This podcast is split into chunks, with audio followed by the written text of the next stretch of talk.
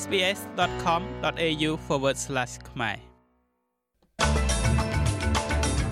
សន្ទុះតម្លៃទំនិញប្រើប្រាស់របស់អូស្ត្រាលីរក្សាស្ថិរភាពនៅកម្រិត3.4%គណៈបក Green កំពុងតែដាក់លក្ខខណ្ឌឲ្យរដ្ឋាភិបាលលុបចោលការកាត់កងពន្ធ Negative Gearing ប្រជាជនរដ្ឋ Victoria នៅមានពេលប្រមាណម៉ោងទៀតដើម្បីជំនះចេញពីតំបន់ភ្លើងឆេះព្រៃនៅភាគខាងលិចនៃរដ្ឋនេះ។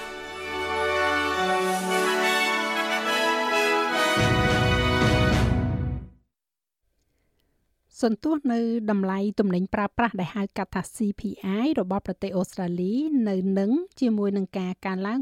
3.4%ក្នុងរយៈពេល12ខែដល់ខែមករាឆ្នាំ2024នេះ ទិន្នន័យចុងក្រោយបំផុតសម្រាប់ខែមករាពីការិយាល័យស្ថិតិអូស្ត្រាលីនេះបានបង្ហាញថា CPI នៅក្រោមការកើនឡើងដែលគេរំពឹងទុកចំនួន3.6%ប៉ុន្តែនៅតែជាអតិផរណាប្រចាំឆ្នាំទាបបំផុតចាប់តាំងពីខែវិច្ឆិកាឆ្នាំ2021មក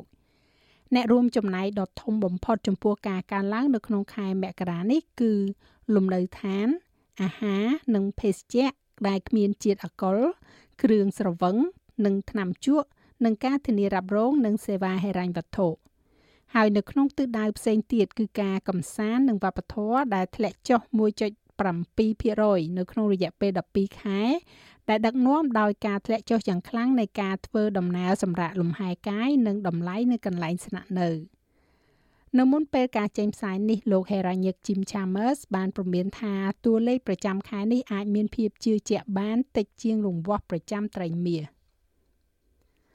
គណៈបក Greens កំពុងតែអំពាវនាវឲ្យមានការដកចេញនៅការកាត់កងពន្ធ negative gearing ជាលក្ខខណ្ឌមួយនៃការគ្រប់គ្រងរបស់ពួកគេសម្រាប់សេចក្តីព្រៀងច្បាប់លំនៅឋានដ៏សំខាន់របស់បក Labor គម្រោងជំនួយនៅក្នុងការទិញ Help to Buy ដែលបែងចែកចំណាយហ៊ុនរួម គឺជាការសន្យារយៈពេល សំទោសគឺជាការសន្យានៅពេលបោះឆ្នោតដ៏សំខាន់មួយរបស់គណៈបក Labor ដែលដំបូងឡើយនឹងឃើញថារដ្ឋាភិបាលនឹងគ្រប់ដណ្ដប់40%នៃតម្លៃផ្ទះសម្រាប់មនុស្ស40000នាក់បក Labor នឹងត្រូវការគ្រប់គ្រងពីសមាជិកសភា Crossband ដើម្បីអនុម័តច្បាប់នេះ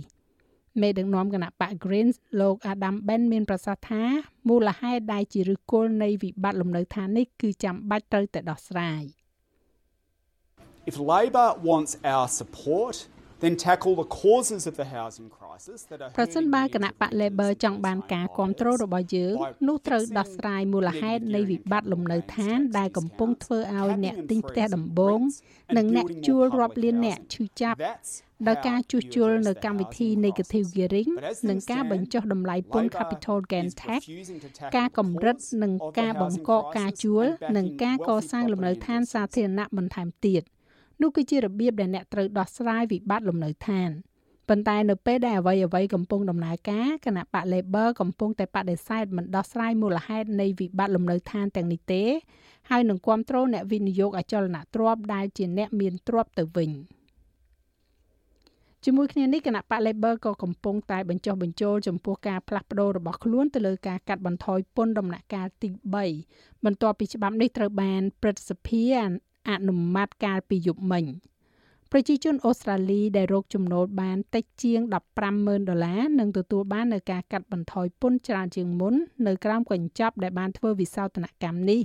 ខណៈពេលដែលអ្នកដែលមានប្រាក់ចំណូលខ្ពស់ជាងនេះនឹងឃើញការកាត់បន្ថយពន្ធតិចជាងការគ្រោងទុកពីដើមដំបូងគណៈបកសម្ព័ន្ធបានគ្រប់គ្រងការផ្លាស់ប្ដូរនេះប៉ុន្តែបានចាត់ទុកទង្វើនេះថាជាការរំលោភលើសេចក្តីទុកចិត្តរបស់ប្រជាជនអូស្ត្រាលី។ លោកនាយករដ្ឋមន្ត្រី Anthony Albanese ប្រាប់ ABC ថាលោកមិនបានធ្វើការសម្រេចចិត្តនេះដោយរាក់កំផែលនោះទេ។ We made not an easy decision. We made the right decision for all the right reasons. យើងបានធ្វើការសម្រេចចិត្តដែលមិនងាយស្រួលនោះទេ យើងបានធ្វើការសម្រេចចិត្តដ៏ត្រឹមត្រូវសម្រាប់ហេតុផលត្រឹមត្រូវយើងនឹងថាក្រុមគ្រួសារស្ថិតនៅក្រោមសម្ពាធនៃថ្លៃចំណាយការរស់នៅគំនិតដែលយើងអាចអង្គុយចុះហើយមិនអើពើទៅនឹងអនុសាសន៍ច្បាស់លាស់ដែលថានេះជាវិធីដ៏ល្អបំផុតថាយើងអាចមានឥទ្ធិពលទៅលើការផ្ដល់ជំនួយនោះដល់ប្រជាជនអូស្ត្រាលីដែលមានប្រាក់ចំណូលមធ្យមដោយមិនដាក់សម្ពាធលើអតិផរណា យើងមិនអាចប្រងើយកន្តើយចំពោះបញ្ហានេះនោះទេប្រជាជននៅរដ្ឋ Victoria ដែលស្ថិតនៅក្រោមការគំរាមកំហែងអំពីភ្លើងឆេះព្រៃ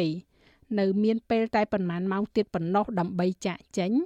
នៅមុនពេលដែលស្ថានភាពមហន្តរាយកើតឡើងនៅភូមិខាងលិចរបស់រដ្ឋនេះដោយប្រធានអាជ្ញាធរពន្លត់អគិភ័យតំបន់ជនបទ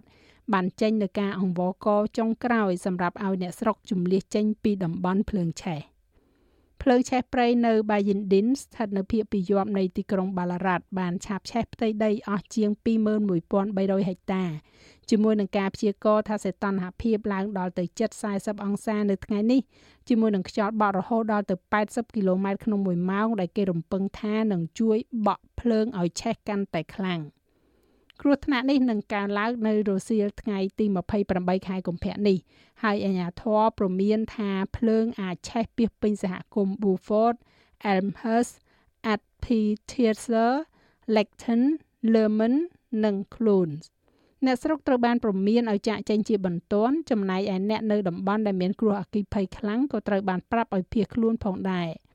ប្រធានអាជ្ញាធរអគ្គិភ័យតំបន់ជនបទលោក Jason Hefferman បានប្រាប់ ABC ថាហានិភ័យនៃរន្ទះបាញ់ស្ងួតក៏ធ្វើឲ្យមានការព្រួយបារម្ភជាខ្លាំង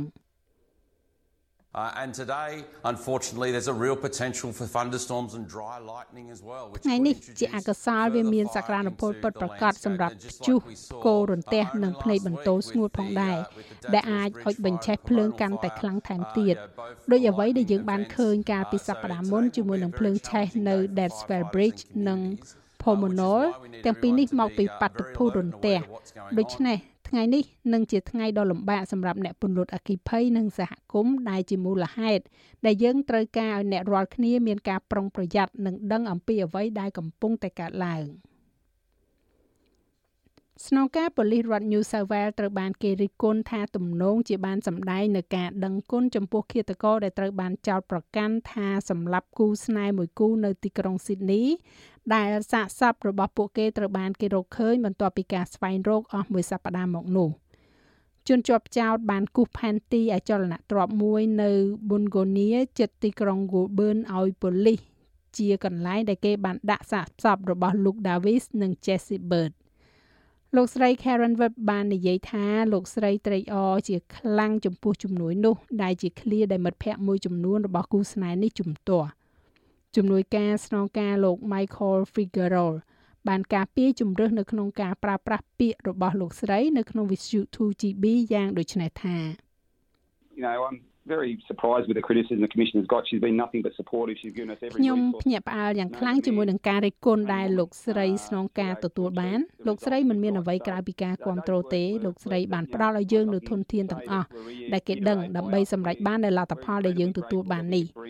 ដូច្នេះពាក្យទាំងនោះមតិទាំងនោះត្រូវបានបញ្ជាក់ម្ដងទៀតដោយពួកយើងយើងខ្ញុំមានការត្រេកអរដែលអាចដោះស្រាយបានឆាប់តាមដែលអាចធ្វើទៅបានដល់ក្រុមគ្រួសារសព ទូនីគី Net អូស្ត្រាលីប៉ាន់ប្រមាណថាការប្រគំតន្ត្រីរបស់តារាចម្រៀងដ៏ល្បីពិភពលោក Taylor Swift ជួយដល់សេដ្ឋកិច្ចអូស្ត្រាលីប្រមាណជា300លានដុល្លារតារាចម្រៀងដែលបានបញ្ចប់ការប្រគំតន្ត្រីនៅទីក្រុង Sydney ចុងក្រោយរបស់នាងសម្រាប់ The Era Tour កាលពីថ្ងៃច័ន្ទនោះ បានបង្កើនការចំណាយនៅក្នុងតំបន់ CBD របស់ទីក្រុងនេះប្រមាណជា20%នៅក្នុងរយៈពេល4ថ្ងៃនៃការសម្ដែងរបស់នាង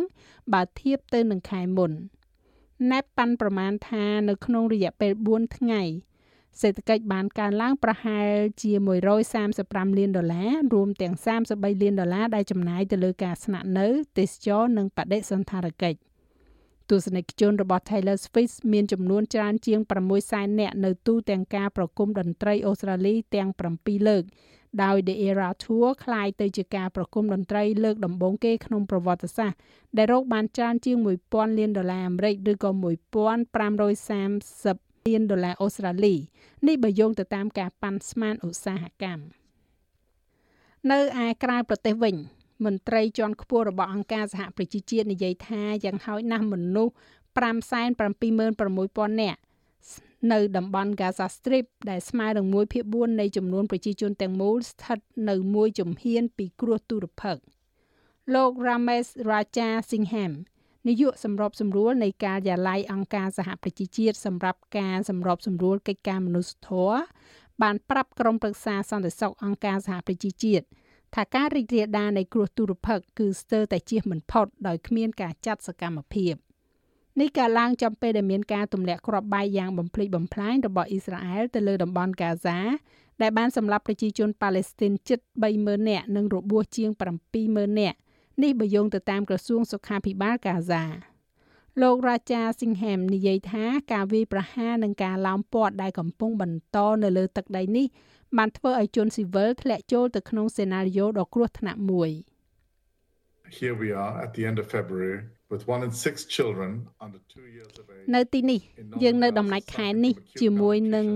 កុមារអាយុក្រោម2ឆ្នាំម្នាក់ក្នុងចំណោម6នាក់នៅភូមិខាងជើងតំបន់ហ្គាហ្សាដែលទទួលរងគ្រោះពីកង្វះអាហារូបត្ថម្ភធ្ងន់ធ្ងរនិងការបាក់កម្លាំងហើយជាក់ស្ដែងប្រជាជនទាំងមូលនៃតំបន់ហ្គាហ្សាត្រូវបានគេទុកចោលឲ្យពឹងផ្អែកទៅលើជំនួយស្បៀងអាហារមនុស្សធម៌ដែលខ្វះខាតយ៉ាងខ្លាំងជាអកុសលដោយរូបភាពដែលយើងឃើញសប្តាហ៍ថ្ងៃនេះមានលទ្ធភាពគ្រប់បែបយ៉ាងសម្រាប់ភាពយ៉ាប់យ៉ឺនជាងនេះទៅទៀត ប្រតិបត្តិការយោធាអសន្តិសុខនិងការរឹតបន្តឹងយ៉ាងទូលំទូលាយទៅលើការចូលមកនិងការដឹកជញ្ជូនទំនិញសំខាន់សំខាន់បានធ្វើឲ្យផលិតកម្មស្បៀងអាហារនិងកសិកម្មធ្លាក់ចុះនៅប្រទេសកម្ពុជាវិញបន្ទាប់ពីការបោះឆ្នោតបាន2ថ្ងៃកោជបបានបើកការត្រួតពិនិត្យនិងផ្ទៀងផ្ទាត់ដើម្បីបញ្ជាក់ពីភាពត្រឹមត្រូវនៃលទ្ធផលការបោះឆ្នោតជ្រើសតាំងសមាជិកព្រឹទ្ធសភានីតិកាលទី5ឆ្នាំ2024 ដំណើរការត្រួតពិនិត្យនេះបានប្រព្រឹត្តទៅនៅទីស្តីការកោជបដែលមានការចូលរួមអង្កេតមើលនិងយកព័ត៌មានពីតំណាងគណៈបកនយោបាយឈោឈ្មោះបោះឆ្នោតអ្នកសង្កេតការបោះឆ្នោតនិងអ្នកសារព័ត៌មានជាច្រើនរូបកាលពីរសៀលម្សិលមិញកោជបបានប្រកាសថាលទ្ធផលនៃការបោះឆ្នោតជ្រើសតាំងសមាជិកព្រឹទ្ធសភាកាលពីថ្ងៃអាទិត្យទី25ខែកុម្ភៈគឺមានភាពត្រឹមត្រូវ។ លោកតុបរដ្ឋីអគ្គនាយកនៃអគ្គនាយកដ្ឋានសេវាកម្មច្បាប់និងបច្ចេកទេសរបស់គូជបបានបញ្ជាក់យ៉ាងដូចនេះថានៅការបញ្ចប់ការត្រួតពិនិត្យនៅថ្ងៃនេះយើងនឹងដាក់ជូនកោជបពិនិត្យសម្រាប់នៅថ្ងៃទី29ខាងមុខនេះបាទហើយក្រោយពីកោជបសម្រាប់យើងនឹងបិទផ្សាយលទ្ធផលបដោះអាសន្ននៅពេលខាងមុខក្រោយពីប្រកាសលទ្ធផលបដោះអាសន្នរួចហើយយើងទុកឲ្យគណៈបកនយោបាយដែលចូលរួមការបោះឆ្នោតនេះគឺមានសិទ្ធិប្តឹងតវ៉ាក្នុងរយៈពេល72ម៉ោង ចាស់ឲ្យលោកមេងផល្លានឹងជួនសេចក្តីរាយការណ៍លម្អិតនៅវគ្គក្រោយជាបន្តឬក៏លោកអ្នកអាចចូលស្ដាប់របាយការណ៍ពេញលើគេហទំព័ររបស់យើងនោះគឺ sps.com.au/ ខ្មែរអូស្ត្រាលីបានប្រកាសថាខ្លួននឹងបែងចែកប្រាក់បន្ថែមចំនួន14លាន2សែនដុល្លារអូស្ត្រាលីដើម្បីបង្កើននូវការចូលរួមរបស់កោះប៉ាស៊ីហ្វិក នៅក្នុងសហជីពកីឡាបាល់ឱបរ៉ាក់ប៊ីដែលជាផ្នែកមួយនៃការជំរុញការទូទាត់នៅក្នុងតំបន់នេះសំទុកជំរុញការទូតនៅក្នុងតំបន់នេះប្រទេសអូស្ត្រាលីនឹងចាប់ដៃគូជាមួយរ៉ាក់ប៊ីអូស្ត្រាលីក្នុងកម្មវិធីមួយរយៈពេល4ឆ្នាំដើម្បីពង្រឹងក្រុមសហព័ន្ធកីឡាបាល់ឱបថ្នាក់ជាតិនៃកោះប៉ាស៊ីហ្វិករួមទាំងការគ្រប់គ្រងសម្រាប់ការបណ្ដុះបណ្ដាលនិងគ្រប់គ្រងកីឡាការិនីក៏ដូចជាឱកាសនៅក្នុងការធ្វើជាម្ចាស់ផ្ទះព្រឹត្តិការណ៍សំខាន់សំខាន់ៗ វាកាលឡើងមុនពេលដែលប្រទេសអូស្ត្រាលីនឹងធ្វើជាម្ចាស់ផ្ទះការប្រកួតបាល់ឱបបុរសឆ្នាំ2027និងការប្រកួតបាល់ឱបនារីឆ្នាំ2029ប្រធានកីឡាបាល់ឱបអូស្ត្រាលីលោក Joe Roff មានប្រសាសន៍ថាជាមួយនឹងព្រឹត្តិការណ៍ល្បីៗជាច្រើនដែលត្រូវបានធ្វើឡើងនៅក្នុងតំបន់វាផ្ដល់ឱកាសមួយជាពិសេសគឺដើម្បីពង្រីកកីឡាបាល់ឱបស្ត្រីនៅប៉ាស៊ីហ្វិក ចំណែកអត្រាប្តូរប្រាក់វិញ1ដុល្លារអូស្ត្រាលីមានតម្លៃ65សេនដុល្លារអាមេរិកត្រូវនឹង2660រៀលប្រាក់រៀលខ្មែរយើងក៏លេខមើលការព្យាករណ៍អាកាសធាតុសម្រាប់ថ្ងៃប្រហ័សស្អែកនេះវិញទីក្រុងផឺតភាគច្រើនបើកថ្ងៃ33អង្សា នៅអាដាលេដមានពពកដោយពេល27អង្សា មានពពកនៅមែលប៊ន25អង្សា ដូចគ្នានៅ Hobart 25អង្សា នៅ Canberra ភាគច្រើនបើកថ្ងៃ34អង្សា Sydney បើកថ្ងៃ36អង្សា នៅ Brisbane ភាគច្រើនបើកថ្ងៃ31អង្សា នៅ Cairns រលឹម31អង្សា Darwin រលឹមអាចនឹងមានព្យុះ32អង្សា និងនៅទីក្រុងភ្នំពេញមានពពកដោយពេល34អង្សា